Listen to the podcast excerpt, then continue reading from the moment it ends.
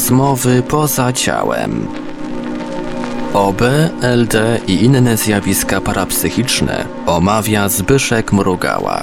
Witam słuchaczy Infry, słuchaczy Radia Paranormalium, słuchaczy Radia Wolne Media i wszystkich zainteresowanych naszą rozmową z Adamem. Witam Cię Adamie. Witam serdecznie wszystkich. Zebraliśmy listę pytań dla Adama powoli będę je odczytywał i oczekujemy od Ciebie odpowiedzi. Ludzie na pewno są już przygotowani, pełni napięcia, czy na to, że zostanie wymieniony jako twórca pytania, a więc zaczynam. Pierwsze pytanie zadał Zielarz Gajowy. W książce Yoga snu i praktyka naturalnego światła opisane są sny przejrzystości. Czy Pan Adam miał takie sny i czy mógłby jakieś wybrane sceny przejrzystości opowiedzieć? Mhm. Nie do końca orientuję się, czy dobrze rozumiem termin sny przejrzystości z buddyzmu tybetańskiego, ale tu chodzi prawdopodobnie o takie sny, na których treść wpływa, można powiedzieć, głębsze ja, jakieś głębokie bardzo części naszej duszy czy naszej nieświadomości, pewnie gdzieś tam z tego obszaru jungowskich archetypów. Te sny nie są tylko uwarunkowane naszymi codziennymi przeżyciami, takimi egoicznymi przeżyciami, ale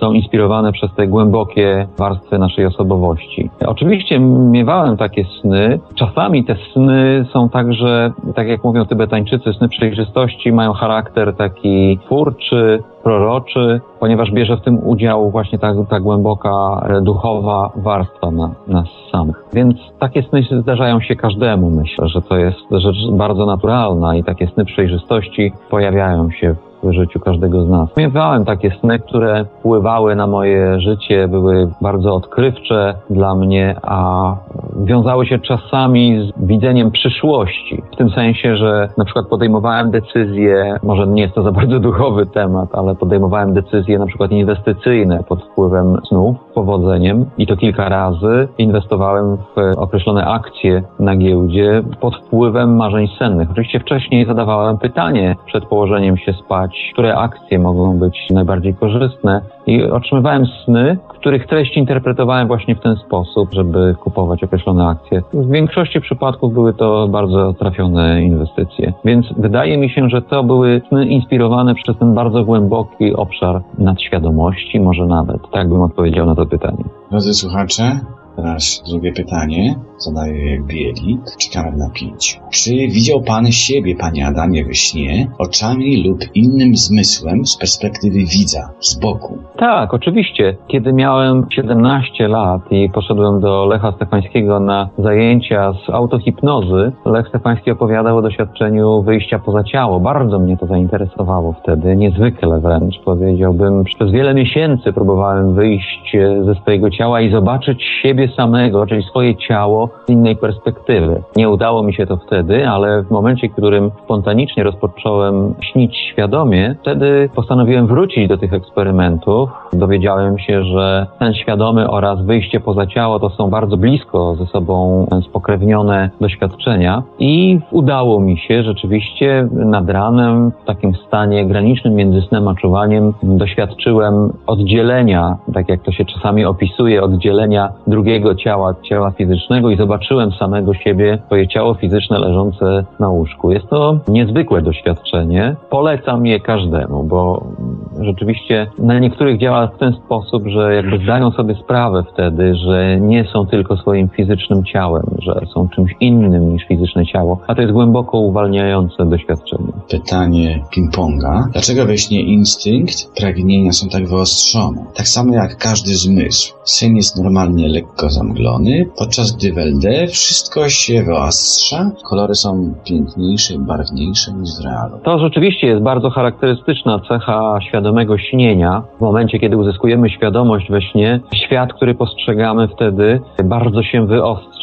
Widzimy wszystko bardzo dokładnie. Kolory nabierają takiej żywotności, żywości. Są intensywne, rozświetlone tak jak na dobrej reklamie. Stąd niektórzy nazywali to doświadczenie dawno, dawno temu projekcją astralną właśnie, dlatego że astralny, czyli świecący własnym blaskiem, nieodbitym blaskiem, tak jak gwiazdy, astra, gwiazda, świeci swoim blaskiem, tak samo ten świat świeci. Stąd też lucid dream to jest lucid od światła, od lux łacińskiego, świetlistość, światłość. Więc ta cecha jest tak charakterystyczna, że nawet wpłynęła na nazwy tego doświadczenia w historii. Prawda? Projekcja astralna i lucid dream moim zdaniem to jest to samo doświadczenie, tylko inaczej interpretowane. Dlaczego tak się dzieje? Do końca nie wiadomo. Nie wiem, czemu tak jest. Prawdopodobnie chodzi o naszą percepcję w tym stanie, o sposób funkcjonowania naszego mózgu. Jest to doświadczenie bardzo podobne do tego, które można sobie wywołać na jawie, patrząc takie komputerowe obrazy stereoskopowe, w których my patrzymy na jakąś mozaikę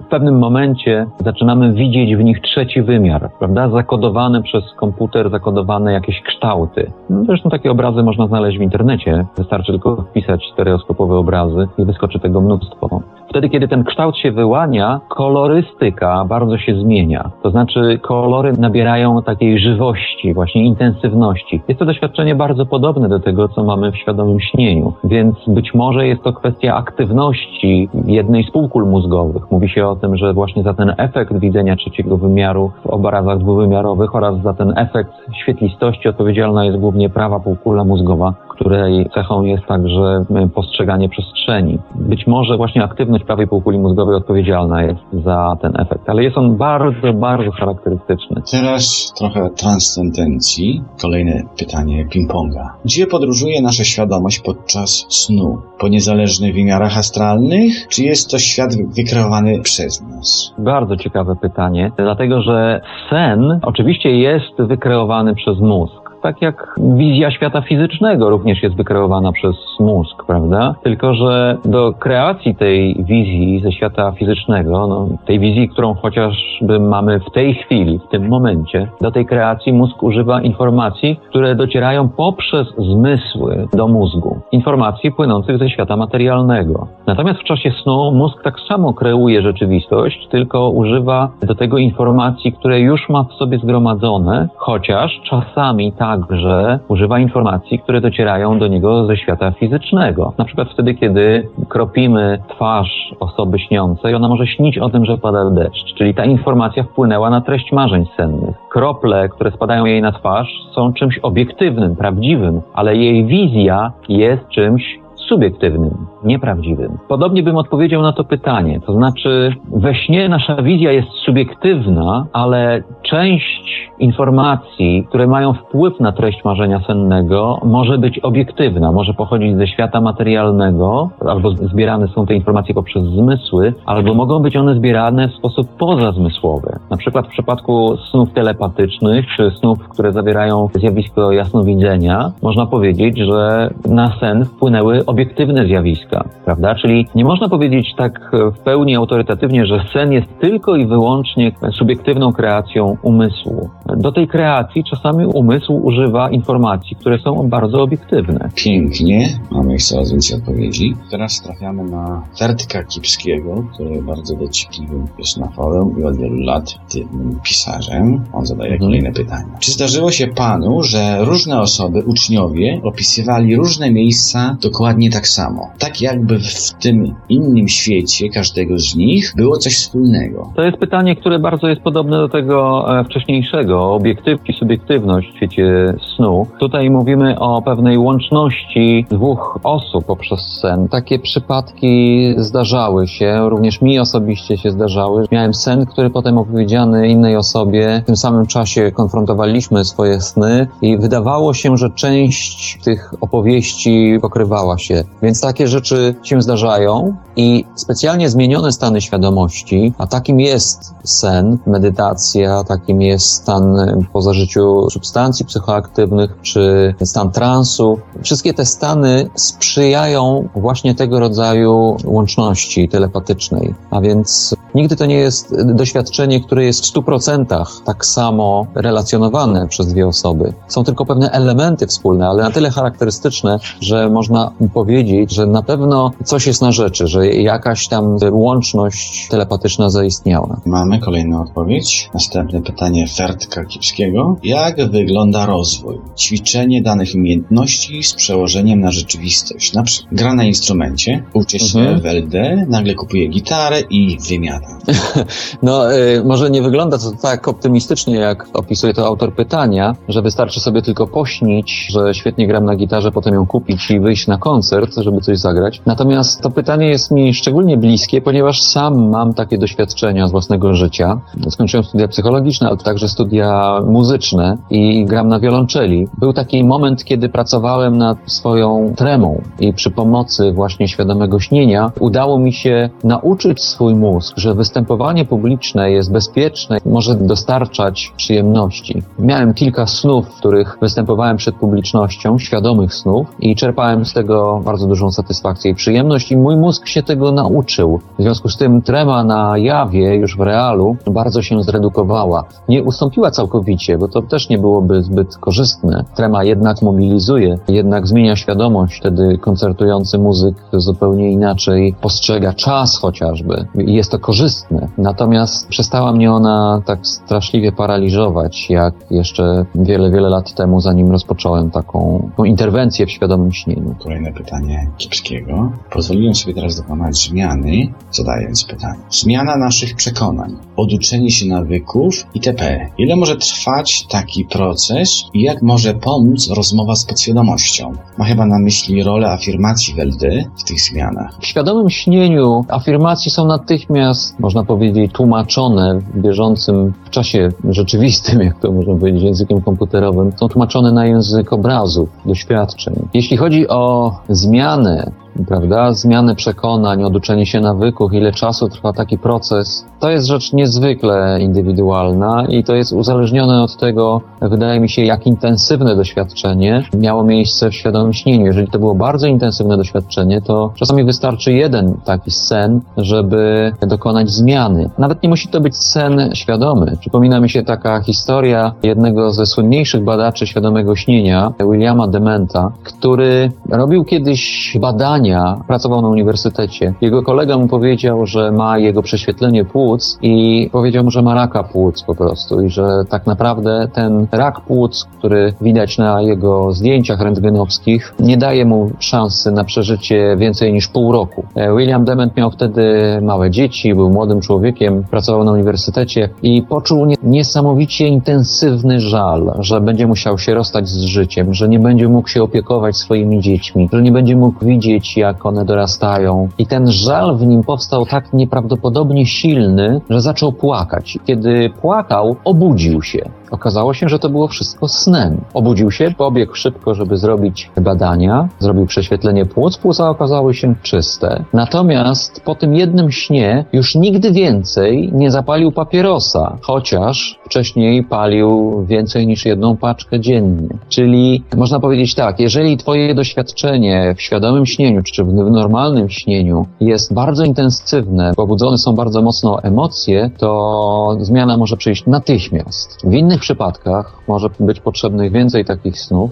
więc jest to, jak powiedziałem, rzecz bardzo, bardzo indywidualna. Jakie są różnice afirmacji w LD i realu? Pytanie jeszcze czwarte Fredka Kiepskiego o moc afirmacji w świadomym śnieniu i w realu. Czy są różnice, czy bardziej to zależy od nas samych? Wpływ pozytywnych obrazów, czy afirmacji, wizualizacji w świadomym śnieniu i w stanie zwykłego czuwania to są dwa zupełnie różne światy. W momencie, w którym my wizualizujemy coś e, w czasie marzenia sennego, wizje są niezwykle intensywne i wpływają na nas bardzo mocno mogą pobudzić nasze ciało do bardzo dramatycznych zmian. Już wspominałem chyba w poprzedniej audycji, jaka to jest ogromna różnica, kiedy na przykład wizualizujemy sytuację stosunku seksualnego, erotyczną, to w naszym ciele, ale są ledwo zauważalne. Natomiast jeżeli mamy sen o tym, to te zmiany w naszym ciele są bardzo intensywne. Na przykład boimy się czegoś, uciekamy przed kimś, to budzimy się z ani potem, z bijącym sercem, prawda? Niektórzy nawet z bolącymi nogami od ucieczki. Natomiast jeżeli będziemy sobie to wizualizować na jawie, albo nawet w transie, to takich zmian dramatycznych w ciele nie uzyskamy. A więc można powiedzieć, że różnice pomiędzy wizualizacją i mocą afirmacji, mocą oddziaływania na własną podświadomość w świadomym śnieniu i w wizualizacji na jawie te różnice są bardzo duże. Teraz pytanie RAP. Skoro LD można kontrolować, to czy da radę podczas takiego LD stworzyć taki rodzaj pomocnika urządzenia, coś co będzie z każdym razem, gdy śpię świadomie informować mi o tym i tym samym pomoże w odzyskiwaniu świadomości. Po prostu śpię sobie i powiedzmy po pięciu minutach przybywa do mnie w nieświadomym śnie ten pomocnik czy urządzenie i mnie informuje, że to sen. Wtedy miałbym 100% świadomych snów. Gdyby to było możliwe, to z pewnością neuronauci by z tego korzystali. Można rzeczywiście umawiać się z jakimiś postaciami na spotkanie w kolejnych snach i to może być czynnik mobilizujący podświadomość do tych spotkań. Natomiast y, nie ma tutaj możliwości wpływu tak intensywnego, tak wiążącego naszą podświadomość, żeby mieć aż 100% świadomych snów. Ja nigdy nie słyszałem o tym, żeby jakikolwiek, nawet najbardziej zaawansowany oneironauta miał wszystkie sny świadome. To jest właściwie niemożliwe. Więc muszę tutaj rozczarować pytającego.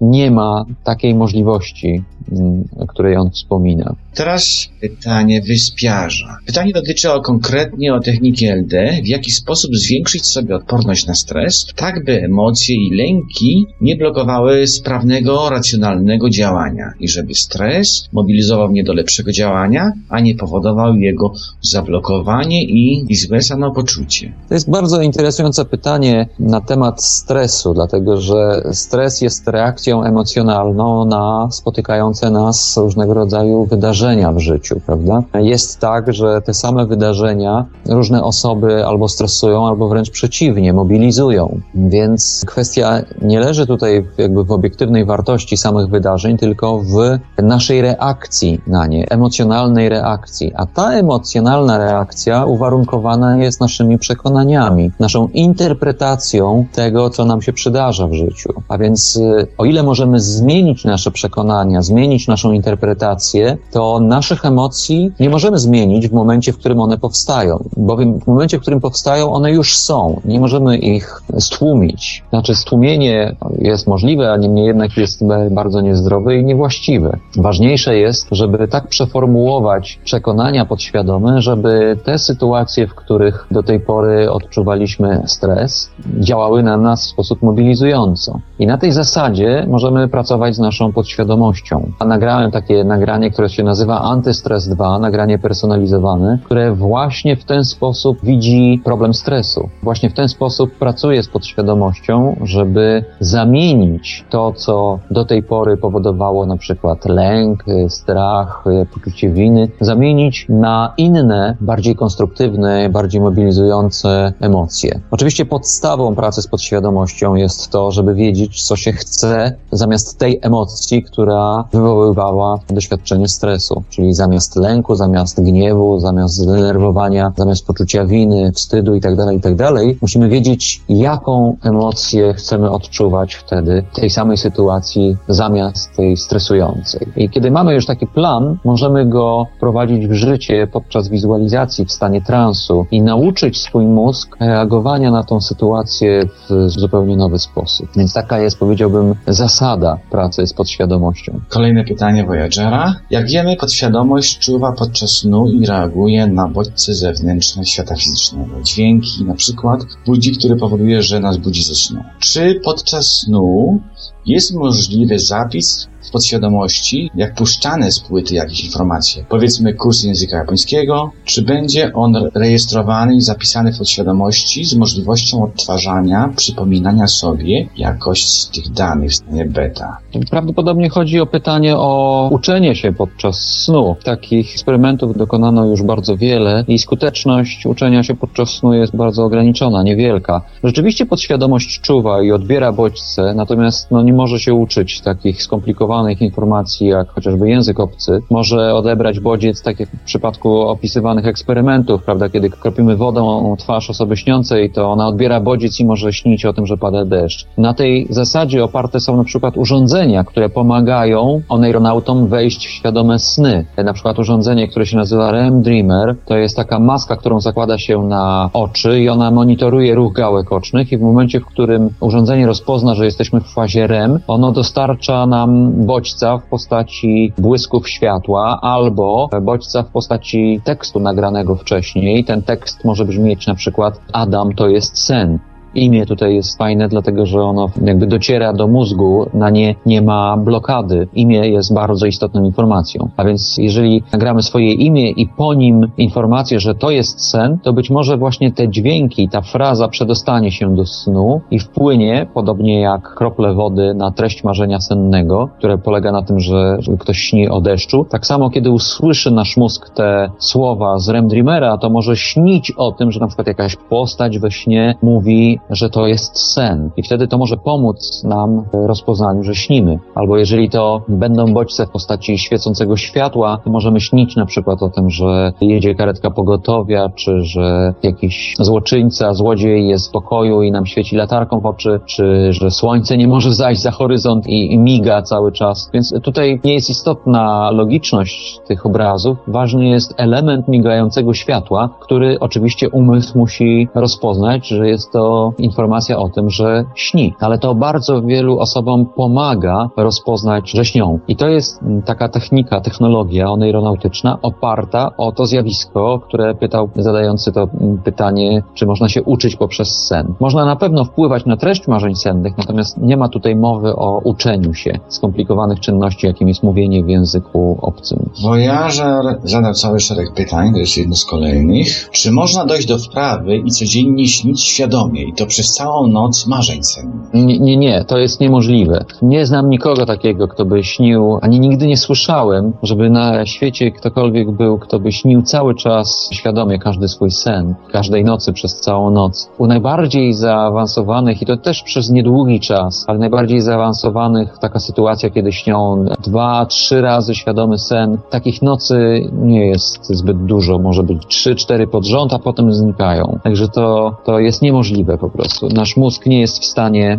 w ten sposób funkcjonować w czasie snu. I ostatnie pytanie Voyagera. Dlaczego natura nie obdarzyła nas świadomością we śnie? Mhm. Bez konieczności jej uzyskiwania. Skoro jest to naturalny stan, to dlaczego jest tak trudny do uzyskania? Jest to naturalny stan w tym sensie, że do jego wywołania nie są konieczne żadne dodatkowe, powiedziałbym, substancje, prawda, z zewnątrz. Chociaż no, istnieją tradycje szamańskie, które ułatwiają nieco wywołanie świadomego snu. Myślę tutaj o użyciu substancji typu na przykład afrykański korzeń snu, który wpływa na ułatwienie sobie świadomego śnienia. My tutaj w środowisku aeronautycznym w Polsce czasami też używamy substancji, oczywiście legalnych substancji, również naturalnych, prawda, ziołowych, chociażby takich jak galantamina, która zwiększa ilość acetylocholiny i to dzięki temu możemy więcej zapamiętać snu, więcej marzeń sennych. Również taka substancja, która się nazywa 5-HTP jest substancją, która jest naturalna, ale wpływa na zwiększenie ilości serotoniny w mózgu i to ułatwia zasypianie, ułatwia marzenia senne, bo zwiększa ilość fazy REM, a także ułatwia budzenie się. Oczywiście można się wspomagać w treningu świadomego śnienia różnymi substancjami. Nie ma w tym niczego złego, bo, bo są substancje naturalne i korzystne dla zdrowia. Niemniej jednak no, w tym sensie nie używamy tutaj jakichś bardzo intensywnych, bardzo mocnych, psychoaktywnych substancji. Więc można powiedzieć, że sen świadomy jest takim stanem naturalnym. Natomiast dlaczego natura nas nie obdarzyła taką umiejętnością? No być może nas obdarzyła, tylko że my jesteśmy akurat na takim etapie naszego rozwoju ewolucyjnego, że śnią świadomie tylko niektórzy. być może za jakiś czas ewolucja naszego gatunku pójdzie w takim kierunku, że śnić będzie większość z nas albo wszyscy. Takie społeczeństwa podobno się zdarzały. Myślę tutaj przede wszystkim o relacji jednego z antropologów jeszcze w latach 30., który trafił do społeczeństwa w dżungli podczas podróży gdzieś w dżunglach malezyjskich. Trafił na plemię, w którym śnili właściwie wszyscy członkowie tego plemienia, ale tam oni przywiązywali ogromną wagę do marzeń sennych. Wszyscy sobie opowiadali marzenia senne. Świat snu był niezwykle istotnym elementem ich społeczności, więc jeżeli tak dużą wagę przywiązywali do snów, to nic dziwnego, że śnili świadomie. Więc można powiedzieć, że to nie tyle my w sposób naturalny nie śnimy świadomie, tylko po prostu jest to kwestia tylko i wyłącznie zwrócenia na to uwagi. No i treningu. Ostatnie pytanie z forum OB, które postawił Korba Dawid. Hmm? Czy osoby, które lunatykują i mówią przez sen, są w paraliżu paraliżu. Mhm. Czym jest wiercenie się w czasie snu? Jeśli chodzi o wiercenie się, to nie mam za, za wiele do powiedzenia, natomiast bardzo interesującym tematem jest ten paraliż przysenny. To jest tak, że w czasie fazy REM na poziomie pnia mózgu są takie procesy neurochemiczne, które powodują, że my nie poruszamy swoimi kończynami, prawda? Czyli mamy sparaliżowane, można powiedzieć, bardzo głęboko rozluźnione ręce i nogi. Dzięki temu, kiedy śnimy marzenia senne w fazie REM, nasze ciało jest bezpieczne, po prostu nie porusza się. Jest to mechanizm zabezpieczający nas przed zrobieniem sobie krzywdy. Niemniej jednak czasami zdarza się, że my budzimy się, mamy świadomość, a faza REM jeszcze nie do końca została zakończona w mózgu i wtedy mamy takie wrażenie, że obudziliśmy się, mamy świadomość, ale nie możemy poruszyć swoim ciałem, nie możemy poruszyć rękami i nogami i wtedy niektórzy się mogą przestraszyć, że tak już zostanie, że mieli na przykład jakiś wylew albo jakieś inne negatywne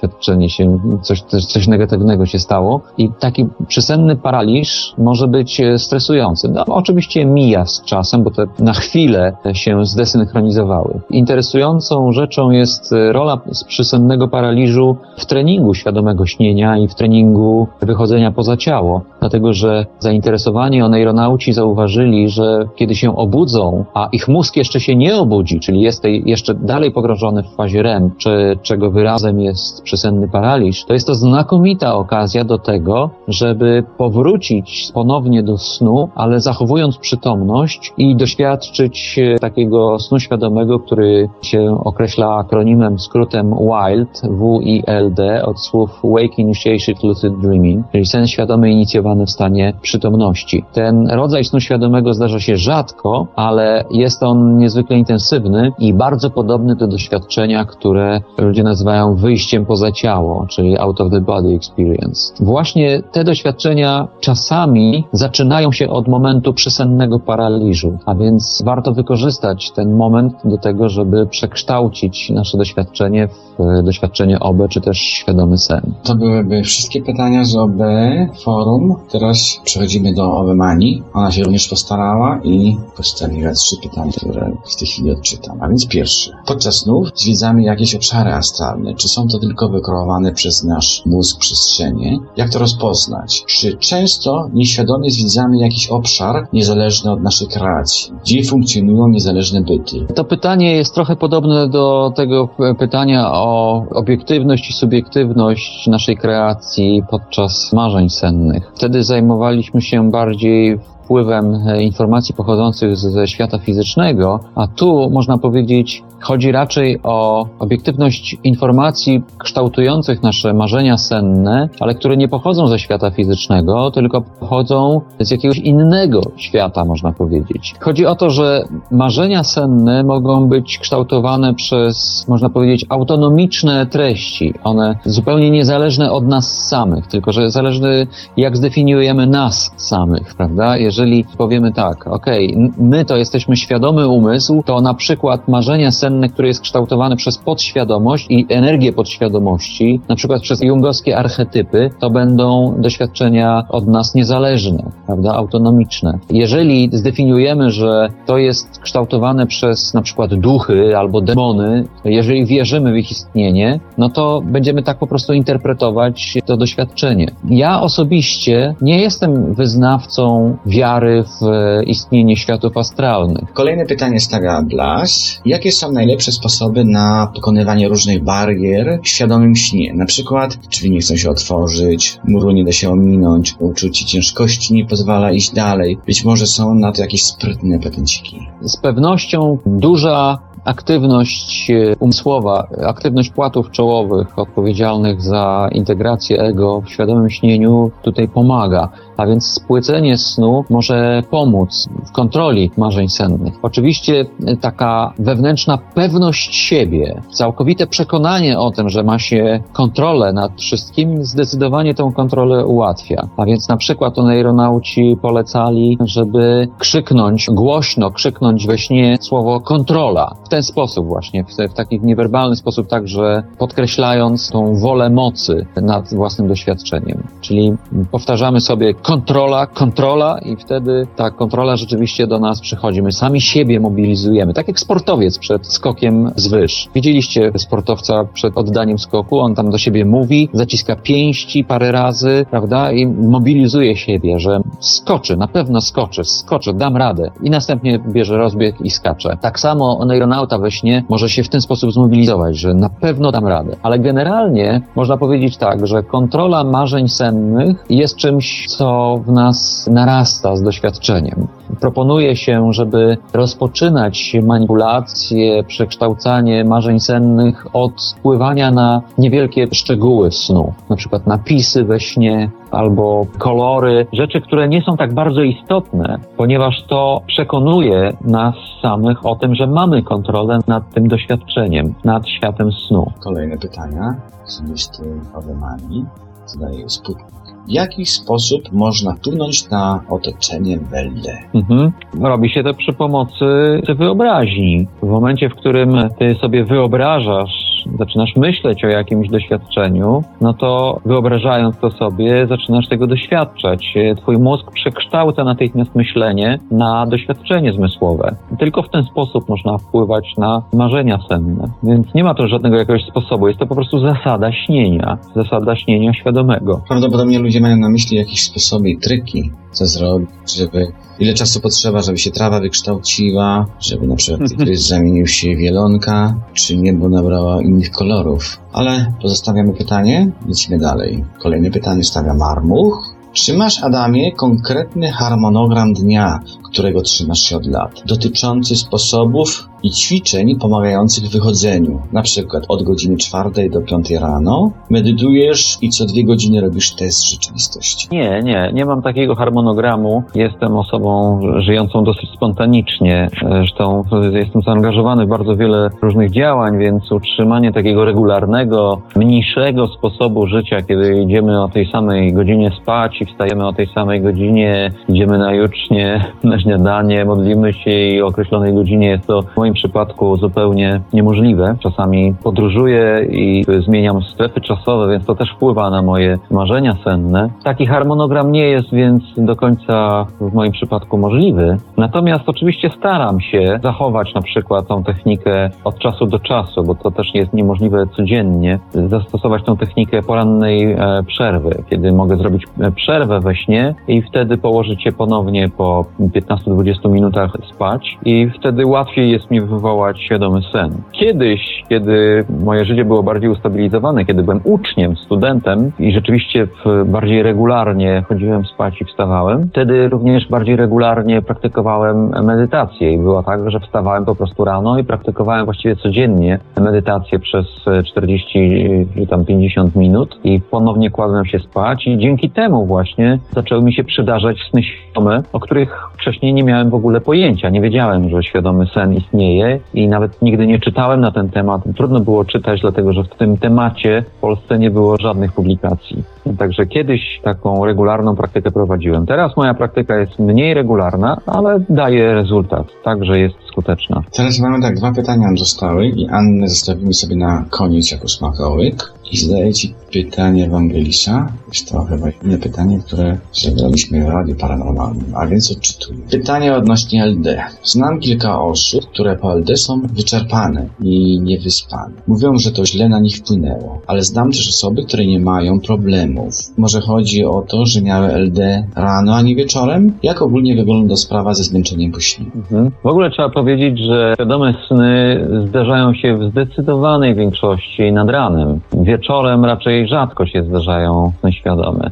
Również nie zauważono żadnej relacji pomiędzy samym śnieniem świadomym a zmęczeniem. Zmęczenie natomiast może być efektem zaburzenia pewnego harmonogramu snu, prawda? Wtedy, kiedy na przykład budzimy się rano, jesteśmy obudzeni przez pół godziny, potem kładziemy się ponownie spać i budzimy się w niewłaściwej fazie, prawda? Wtedy, kiedy budzimy się na przykład z głębokiego snu, z fazy non-REM, nie bezpośrednio z marzenia sennego, tylko z fazy non-REM, możemy mieć wrażenie takiego rozbicia, zmęczenia, głowa nas może boleć, mieć takie poczucie zmęczenia, kiedy wstajemy, więc to zmęczenie nie jest efektem samego snu świadomego, tylko jest efektem przerywania snu i zaburzania tej ciągłości snu. Więc ja proponuję osobom, które są zainteresowane wywoływaniem świadomego śnienia, żeby praktykowały takie przerywanie nie codziennie, nie każdego dnia, tylko od czasu do czasu. Mam na myśli tutaj dwa razy w tygodniu na przykład. Oraz żeby dawały sobie dużo czasu na tą poranną drzemkę lub ewentualnie zmniejszyły ilość porannej przerwy. Na przykład zamiast być obudzonym przez godzinę czy pół godziny, niech będą obudzeni tylko przez 15 minut. Oczywiście 15 minut nie działa tak bardzo skutecznie na rozbudzenie płatów czołowych, które są potrzebne do uzyskania świadomości we śnie. No ale można to zastąpić na przykład wpływem farmakologicznym. Już wspominałem tutaj o galantaminie. Ona ułatwia rozpoznanie marzeń sennych. Czy można także na przykład y, zastosować wpływ zewnętrznych bodźców, Myślę tutaj o REM Dreamerze, czy na przykład o nagraniach, które mogą się aktywować w czasie naszego snu i dać nam taki dodatkowy bodziec, który nam pomoże rozpoznać, śnimy. Wtedy nie musimy tego snu tak bardzo przerywać i wprowadzać tej, tej półgodzinnej czy godzinnej przerwy, która może dawać ten efekt zmęczenia. Ale ona nie zawsze daje efekt zmęczenia, więc to jest kwestia jakby rozpoznania swojego własnego harmonogramu snu, który będzie nam dawał zarówno świadomy sen, jak i pełen odpoczynek. Pozostaje nam jeszcze ostatnie pytanie, tym razem filozoficzna Anola pyta. Czym jest dla Ciebie wolność w kontekście Twoich doświadczeń? No bardzo dziękuję za to pytanie. To jest piękne pytanie. Czym jest wolność w kontekście moich doświadczeń? Powiedziałbym tak, że poczucie wolności to jest coś, co niezwykle intensywnie charakteryzuje doświadczenie świadomego snu. Człowiek we śnie jest w świecie wykreowanym przez jego własny umysł, który e, należy tylko do niego, można powiedzieć, więc to poczucie wolności, nieskrępowanej możliwości doświadczenia wszystkiego, co przyjdzie tylko do głowy, jest dojmujące i bardzo intensywne. Natomiast myślę, że Anna miała także na myśli taką wolność wewnętrzną. Tutaj muszę się troszkę na chwilę oderwać od świadomego śnienia, ponieważ jak tak patrzę na, na swoje życie i swoje doświadczenie, to chyba największą wolność daje mi praktyka medytacji, dlatego że to poprzez medytację uwalniam się od utożsamienia z moimi doświadczeniami, z tym, co na co dzień w sposób błędny, iluzoryczny, jak mówią buddyści, uważam za samego siebie. Ale podczas medytacji rozpoznaję, że tą iluzję i wtedy czuję niezwykłą wolność. Wtedy, kiedy na przykład jestem smutny, kiedy mam jakiś stan negatywny, depresyjny i nagle rozpoznam, że to nie jest moje prawdziwe ja, tylko że jest to doświadczenie, a to jest właśnie ten stan medytacyjny, to ten, ten moment rozpoznania, wtedy wchodzę w medytację. Wtedy uzyskuję wolność w tym doświadczeniu. Także to jest chyba ten głębszy rodzaj wolności, może mniej intensywny niż to doświadczenie wolności w świadomym śnieniu, ale jednak dotyczący realnego, bardzo konkretnego, bardzo realnego życia. Mam na koniec również pytanie. W Twojej wypowiedzi opiszesz bardzo chętnie i ochoczo o świadku. Obserwuję go Zastanawiam się nad jego istotą. Co masz na myśli mówiąc o świadku? Jak opisujesz go?